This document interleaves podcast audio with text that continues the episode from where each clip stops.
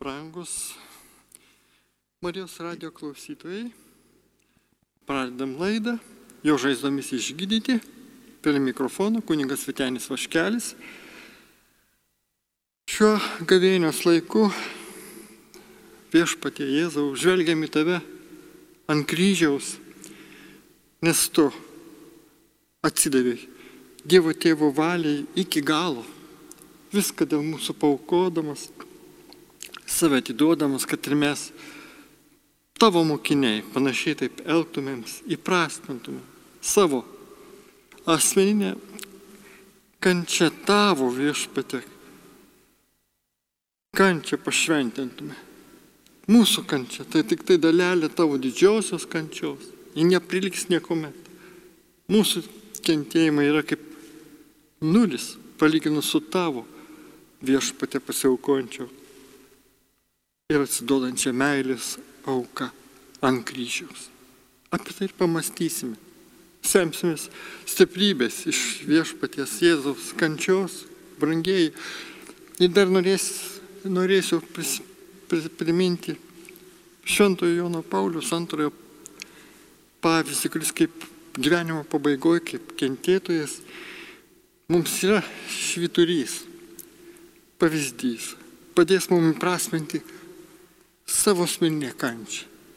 Ir šitokiu būdu mes sieksant dvasinės sveikatos, vidinės žaizdos gyja, kada mes priimam tą neišvengiamą mums įvairių gyvenimo kryželių kančią, skausmą ir skiriam viešpatę tau, atiduodam visą tai, atsiteisdami už savo klaidas nuodėmis, skirdami tą savo kančią kiek jį galim būti pavadinta kančia. Gal tik tai mažis, kaip sakiau, sopėjimai, skaudėjimai, bet te būna. Visą tai viešpatė didesniai tavo garbiai. Ir kaip paštas Paulius sako, ko dar trūksta Jėzaus Kristaus kančiai, nors jai nieko ir netrūksta iš principų, nes viską viešpas ant kryžiaus įvykdė, aš papildau savo kūnę. Tai ir mes esam panašiai taip pašaukti elgtis. Taigi kančią mes stengiamės įprasminti ir rasti ją išmintingą pateisinimą, nes kitaip ji nužudys mūsų gyvenimo džiaugsmą. Neįprasminta kančia panašiais į kraujuojančią gyvybei pavojingą žaizdą.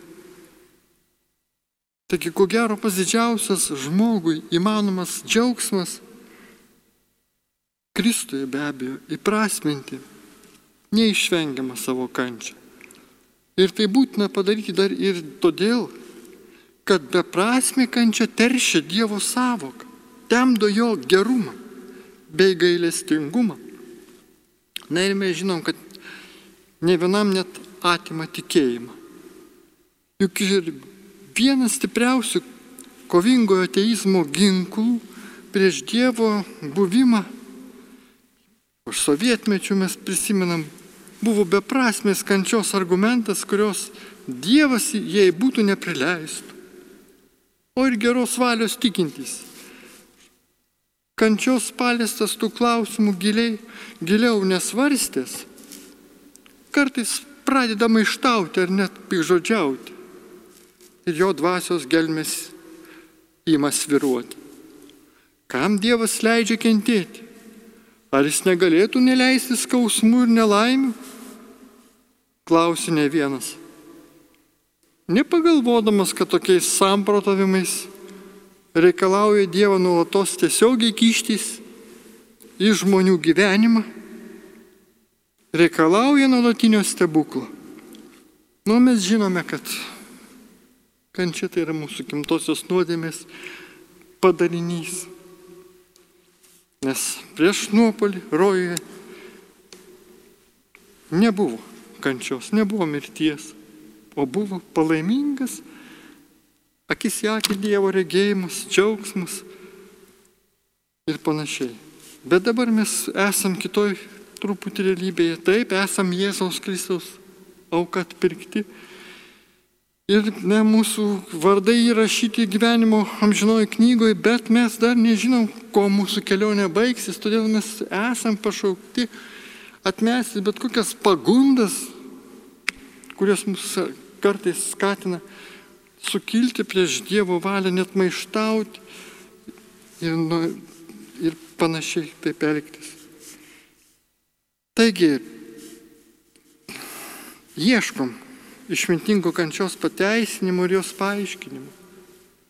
Šitokio kančios įprasminimo iš mūsų reikalauja ir šventasis raštas. Argi šventasis Paulius nekalba, kad žodis apie kryžių kai kam yra kvailystė, kitaip sakant, beprasmis dalykas. Bet taip kančia supranta tik tie, kurie, skaitom pirmam korintiečių laiške, pirmam skyriui, kurie eina į pražutį. Bet juk kas kančios prasmės neranda ir todėl jos nevertina tas savo sieloje, nešioja būsimos žuties žymė. Galima net tvirtinti, kad kančios įprasminimas, prasmės jos ieškojimas iš dalies yra tas pats, kas pastangos apspręsti mūsų amžinai likimą. Nes iš tiesų atmesdami bet kokį kančią ir komfortiško gyvenimo tik siekiu, va štai mes pasitenkindami to, norėdami iš visos širdies, mes apsiriktume, mes tikrai tuomet savo egzistenciją sužlugdytume.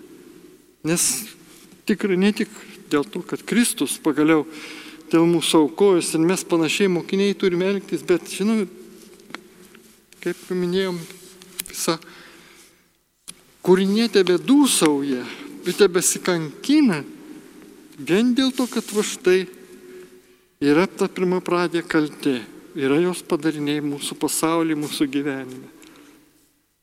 Jau vien svarstydami kančios prasme, negalime neprieiti išvados, kad tinkamai pakeliama į mumise gali išugdyti iš ties nemažą dvasinių vertybių. Tad tik pamastykime. Kančia gilina gyvenimo pažinimą ir brandina asmenybę.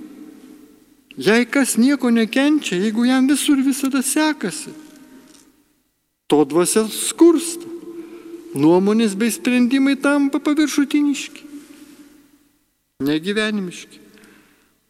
O skausmas vis dėlto atneša tam tikrą, kad ir mažą šviesos spindulį. Kančia daro žmogų išmintingą, nes sužadintama maištingumą protestą prieš kančią pažadina ir protą, kuris ima svarstyti, kodėl kenčiame ir, su kančia, ir kaip su ta kančia susidoroti.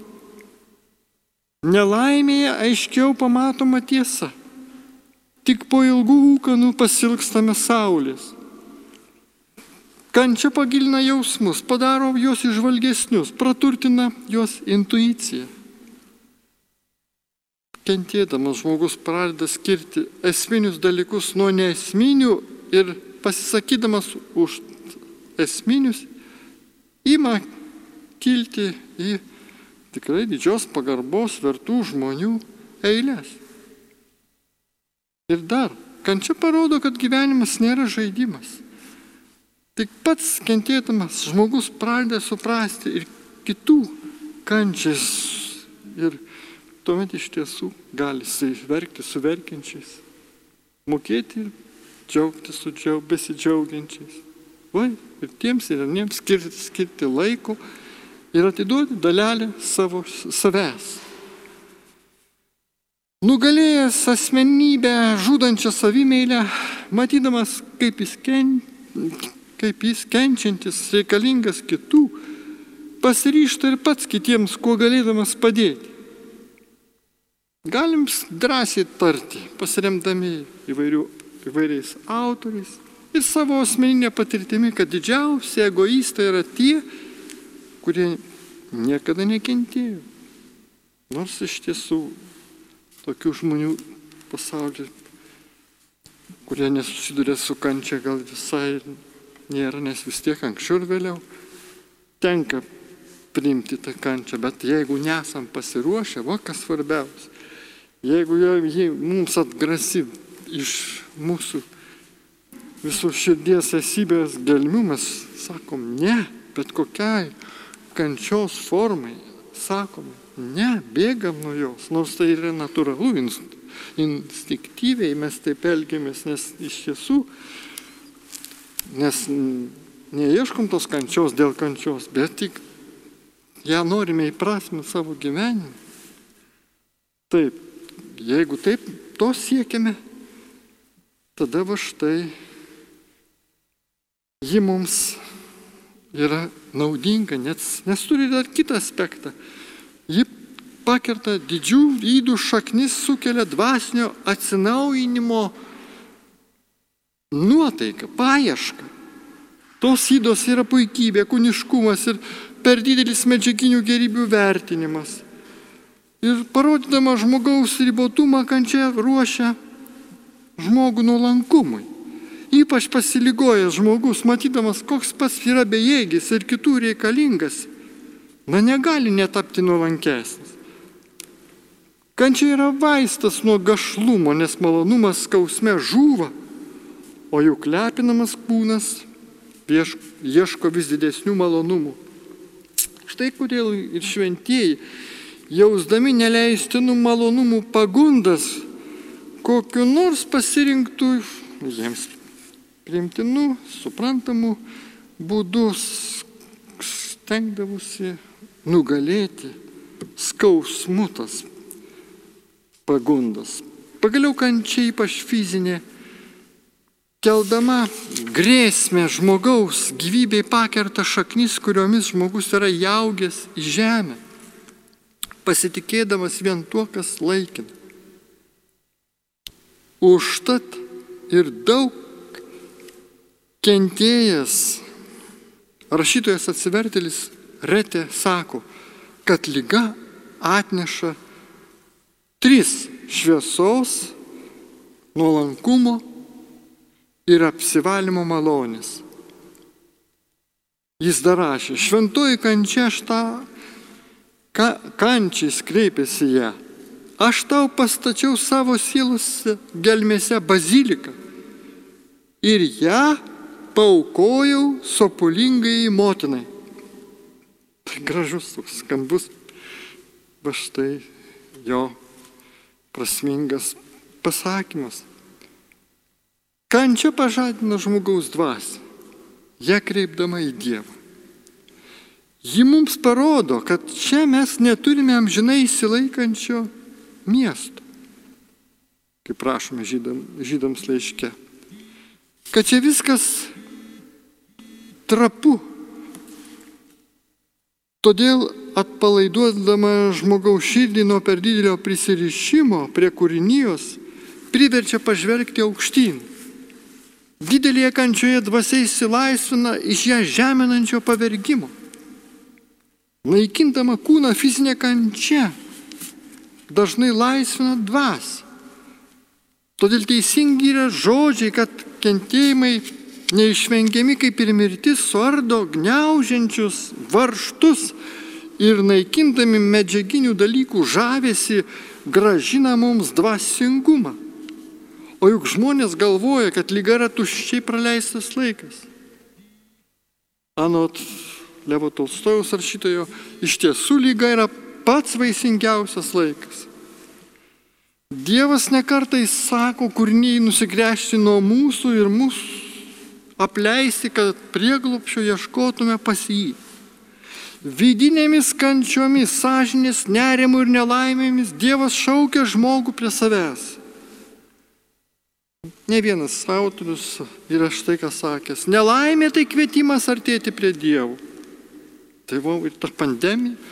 Giliau ją vertindami pasaulį, kas dabar vyksta, ko nebuvo niekada anksčiau.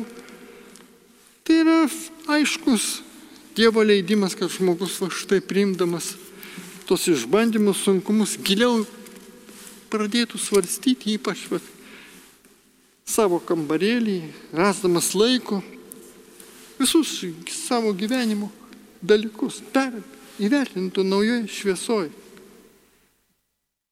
Ir tą kančią, tas lygą, netgi pats sirgdamas, o šią valandą, šią valandą mes galim prisiminti visus COVID-19 lyga sergančius, jų dar tikrai yra, o ypač ne tik mūsų krašte ir visam pasaulyje, ir mirštančiuosius, kad galėtų viešpatė jie atsinaujinti dvasę, kad galėtų kas paskatinti juos, aukoti su tavimi Jėzau Kristau kančią už kitus, kad nebūtų jau ne mažiausios kančios neįprasmintos Dievės. Taigi Dievas nekartai sako kūriniai nusigręžti nuo mūsų ir mūsų apleisti, kad prieglopšio ieškotume tik pas jį. Vidinėmis kančiomis, sąžinės, nerimu ir nelaimėmis Dievas šaukia žmogų prie savęs. Izoliuodama kenčiantį žmogų, žmogų kančia jį pastato Dievo akivaizdoje. Šiuo požiūriu autorius Mauriacas vertina ir senatvę. Anot jo senatvė dėl to palaiminga, kad iš anksto mus atskiria nuo visų ir lengvina galutinį atsiskyrimą. Mums senstant žmonės mus palieka, o juk pirmą nevaliodavom, negalėdavom, net sąžinės reikalaujami nuo jų nusigręžti. Ir taip pasiliekame vieni, kurie jo akivaizdoje, nes pasenus visi mus palieka, bet Dievas ateina pas mus, taip sako rašytojas Bazinas. Ar tai nėra giliausia senatvės kančios prasme? Na taip, ir čia jau norėsis jau kaip tik prisiminti mūsų tą šviesų dydį, viena iš iškiausių 20-ojo amžiaus asmenybių. Šventąją popiežių Joną Paulių II. Bet dabar dar turiu kaip tik prašymų pasimelsti. Gavom žinučių, norisi atsakyti jas, kai kurias bent jau bent. Prašau mal, maldos kančioje. Ačiū. Onutė iš Šiaulių. Trumpai, drūtai, paprastai, aiškiai. Ir vėlgi viešpatė tavo akivaizdoje būdami ir tik tavie pasilik stengdamis. Mes sakom stiprybės, jėgų pakelti visus sunkumus, nes vis dėlto kai nuolatos mus tas kančia mus vargina, negalius, silpnumai mus. Tikrai sunkina, taip mums reikia tavo viešpatie jėgų stiprybės, tad duok malonę mums kviesti tave į save, prašyti tavo palaimus, žvelgti tavo kryžių ir matyti tavo galutinę pergalę, prisikelimo palaimą, kurie ateina su džiaugsmu, kad va, galime viešpatę panašėti į tave, ne tik tikėdami, bet ir kentėdami. Tad palaimink, palaimink onutį. Palaimink ir kitus brangiuosius, prašom maldos už rasą, dvasinio išgydymo, Dievo palaimus. Te būna viešpatė tavo valia. Ir rasai viešpatė tavo malonė. Tu suteikia jėgų išgydymo, kurio reikia jos gyvenime. Ir ji pati meldžiasi, ir mes už ją. Ir tuomet, va tokiam vieningam, vieningo fronto linijoje mes sakom, pasitraukia lygos, tos, kurios viešpatinė iš tavęs, kurias piktasis, kad sukelia. Mes žinome, šventame rašte aiškiai pasakyta, šetonas kankino tą moterį daug metų. Ar nereikėjo dabar jas išlaisvinti Jėzų? Išvaduok. Išlaisvink. Pasitraukė lygos demonai. Ir ateina ramybė, džiaugsmas į širdį, dėkojimas ir pasiryžimas maldingai gyventi visą likusį gyvenimą, iš, kai tu viešpatai išlaisvini mus iš visų mūsų negalių lygų. Šlovė tau, Kristau, per Marijos širdį ir garbė tau per amžius. Na ir dabar galime dar ir štai kaip tik apmastyti ir mūsų popiežiaus to, kurio širdis, kaip jis yra sakęs, kartą pusė jo širdies priklauso ir mūsų, bent jau jis tas gražiai, gražus pasakymas, mūsų šaliai, Lietuvai.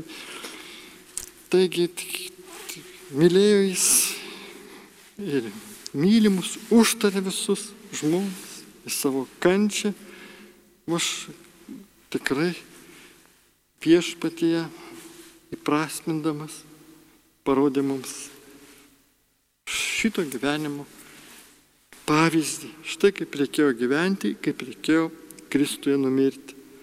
Sergantis kūnas, nusilpęs, jau palauštas skausmo.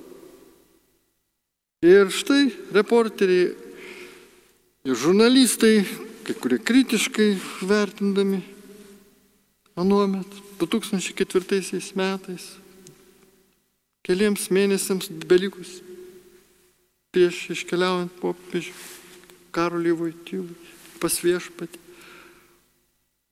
Jis už tai kančios, to tremoro kūno, varginamas, keliauja, tęsia savo piligriminės kelionės. Atkakliausiems katalikams vieša šventojo Jono Pauliaus antrojo kančia yra dorybingas skandalas, kaip rašė kai kurie autoriai tuo metu, netgi kairuoliškos pakraipos laikraščiai Italijoje. Gyvenimiška provokacija ir visiškas postmodernistinės realybės mąstymo paneigimas. Šio laikinis pasaulis yra lengvabūdiškas. Jono Pauliaus antrojo krikščionybė sunki.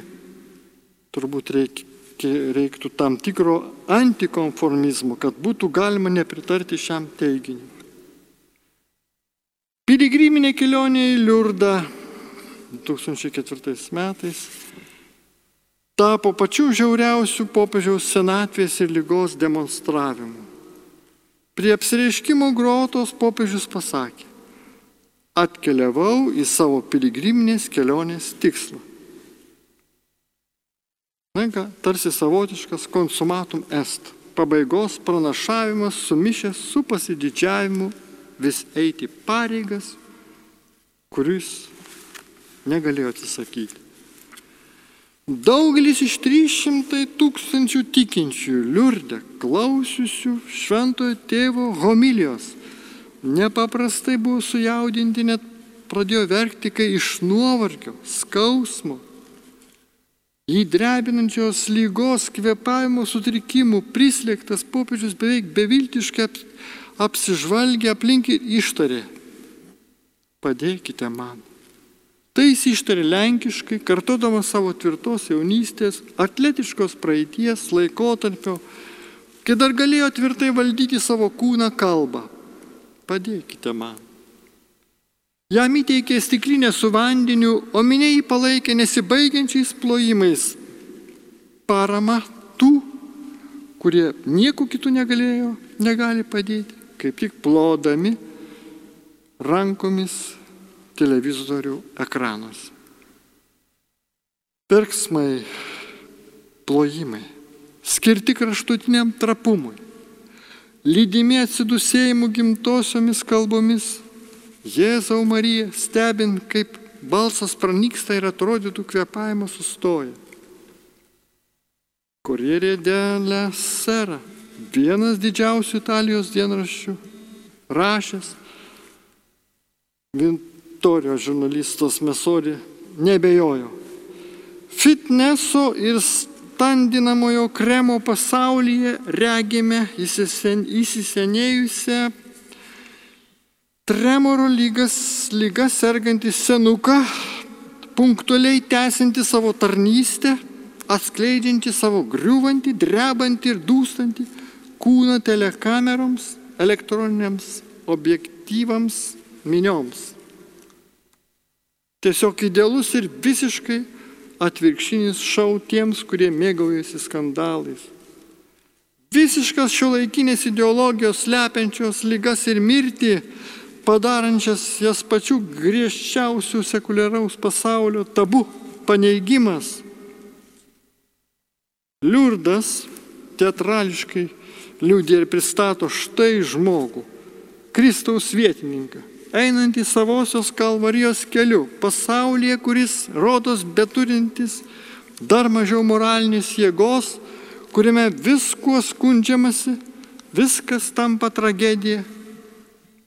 Ir rodanti, kad nepalaužiama dvasia gali valdyti net ir visiškai besipriešinantį kūną. Taigi prieš priešinimas su paprastintam kūnu, apie kurį per švenčiausios mergelės Marijos šventės mišes Milane kalbėjo ir kardinolas Dionydžius Tetamanzi, prieš priešinimas materializmu, hedonizmu ir relativizmu persisunkusiems papročiams. Popiežiaus kūnas rodo iššūkį, kuriame kančia ir skausmas išgyvenami kaip nesibaigiantis liūdėjimas.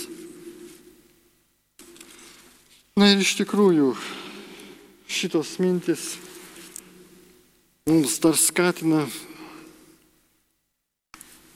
ir prisiminti kito leidinio, italų Lestampa, dienraštį, Vatikanistas Marso Tosati, ne visos televizijos korektiškai filmuoja kenčiantį 84 am, metų amžiaus Vojtylos kūną. Ir rašoma, amerikiečių televizijos yra pačios negailestingiausios, rodydamos popiežiaus silpnumo ir ar nuovargio akimirkas. Ir Vatikane jau klausima, ar kenčiančio popiežiaus, norinčio savo lygą paversti galingų evangelizacijos ginklu, atvaizdas pateisina šios lūkesčius ir yra veiksmingas, ar yra paprasčiausiai nebepakenčiamas. Sugniuždantis, beveik pargriūnantis, sunkiai kvepuojantis, prieš pat televizijos kameras suvinėtų albos rankovės krašteliu, nušluos, nusišluostantis lūpas popiežius taps įspūdingu ar per daug nepakeliamų ir astumenčių vaizdų. Greičiausiai Jono Pauliaus antrojo elgesie galime išvelgti katalikybės kaip materialaus kūniško tikėjimo suvokimą. Kas bent kartą matė besimeldžiantį popiežių, negalėjo nus, nenuse, nenustepti, regėdamas beveik skausmingą jo maldos intensyvumą, pasišventimą tvirtam tikėjimui. Stebina ir vaizdai, kaip Vojtylos rankos liečiasi su katedru, kuriuomse jis būdavo atsiklaupęs maldai akmenimis, tarsi ieškodamas gyvybės besislepiančios už materijos kietumo. Ir dar apibendrinant, kaip tik apmąstama apie popiežiaus, šventojo popiežiaus Jono Pauliaus kentėjimus. Štai kas dar pasakytina, remiantis įvairiais autoriais. Dar prieš keletą metų Vaitilos misijos teatrališka reikšmė, vadinasi, 2000-ųjų pradžioj, buvo paženklinta galingais jo gestais, ar jo balsui aidinu po visą krikščionišką Europą ir įveikiant visas geopolitinės kliūtis, ar iškilmingai pašvenčiant Rusiją mergeliai Marijai ir taip įvykdant Fatimos Madonos patikėtą žinią, ar kritikuojant triumfuojantį kapitalizmą ir nurodant marksizmo tiesos grūdelius. Tiesos kabutės. Dar ir šiandien Jono Pauliaus antrojo pranašiška jėga leidžia į liurdą sukviesti naujuosius katalikus, tradicionalistinės bendruomenės, besibūrenčias aplink didžiulės abatijas ir kurioms priklausantis jaunučiai jų nariai rengėsi viduramžiškais drabužiais. Jokerai tokie stiprus, kad net visi radikalios ir netikinčios pasaulietiškos ir sekularizuotos Prancūzijos vadovai liurdė jam pabučiavo ranką. O tokie faktai, tokie įdomus apmąstymai, kurie mus skatina ne tik žavėtis pontifikų šiuo šventuoju Jono Pauliu II, bet ir prisitaikyti savo, asimiliuoti tą begalinės kantrybės pavyzdį, tą atsidavimą savo pašaukimui, troškimas eiti Jėzaus pėdomis iki pat gyvenimo pabaigos, iki paskutinio atodusio. Na, o mes dabar darome pertraukėlį štai.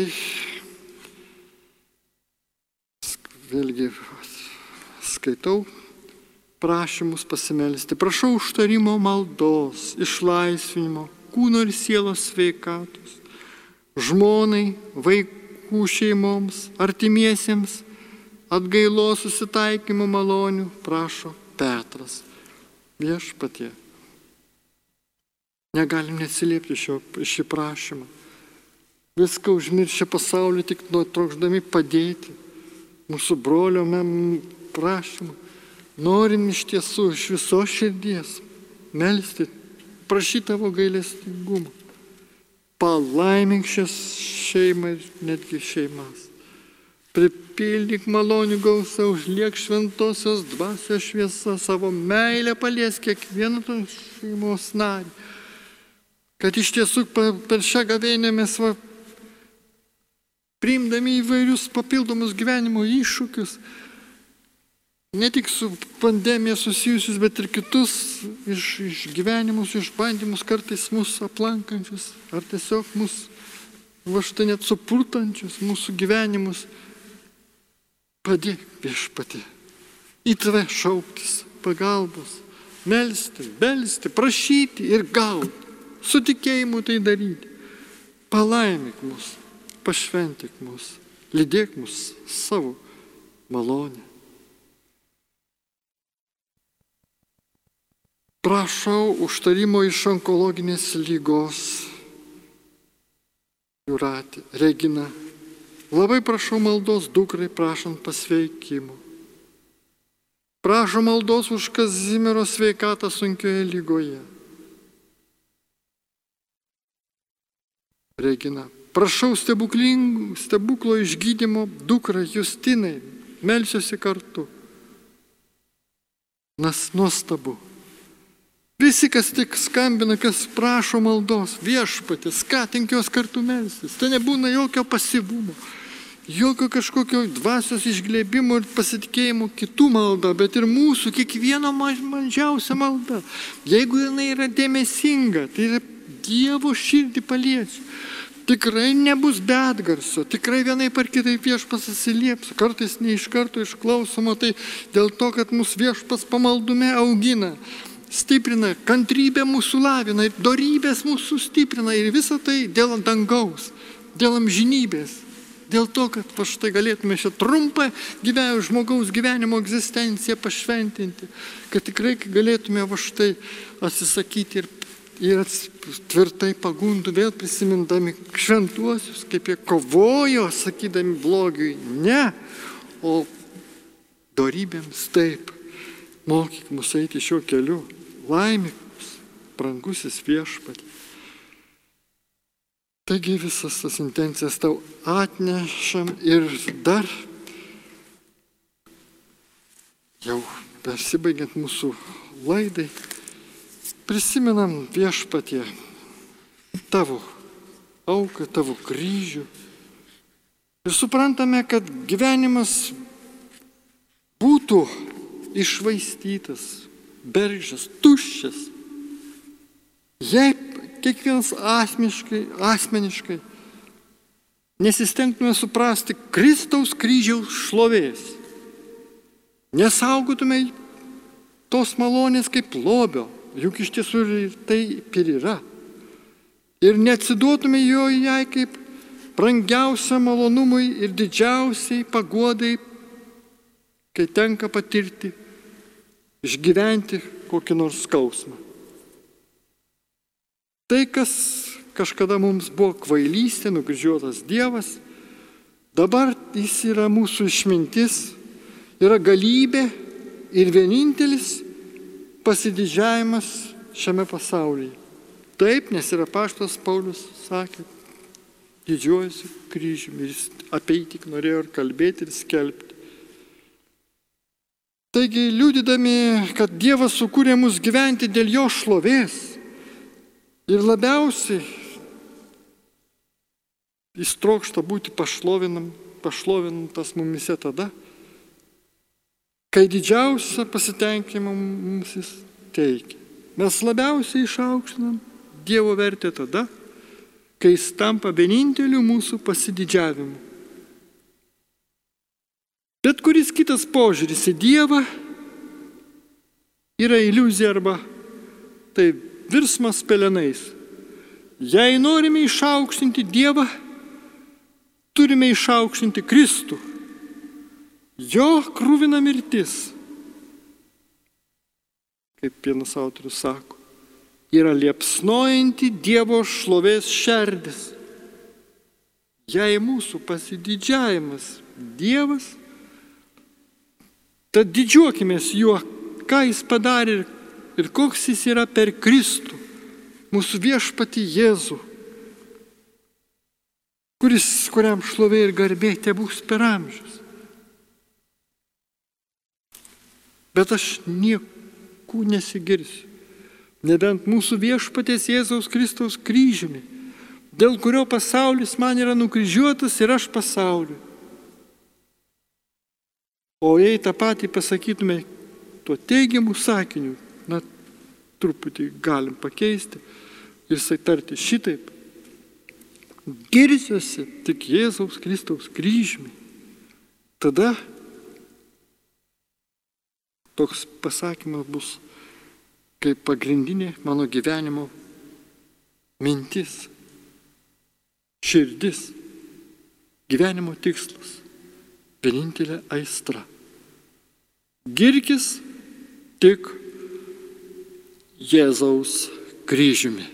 Jame džiaugsmas, jame prisikelimas, jame kančios įprasminimas, jame jėga, jame sveikata, jame ateitis, jame viskas. Viskas, kas man ir tau yra svarbiausia. Ačiū viešpatė už šią laidą.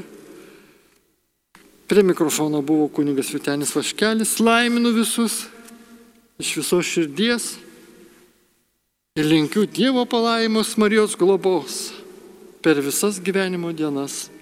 Amen. Sudėv.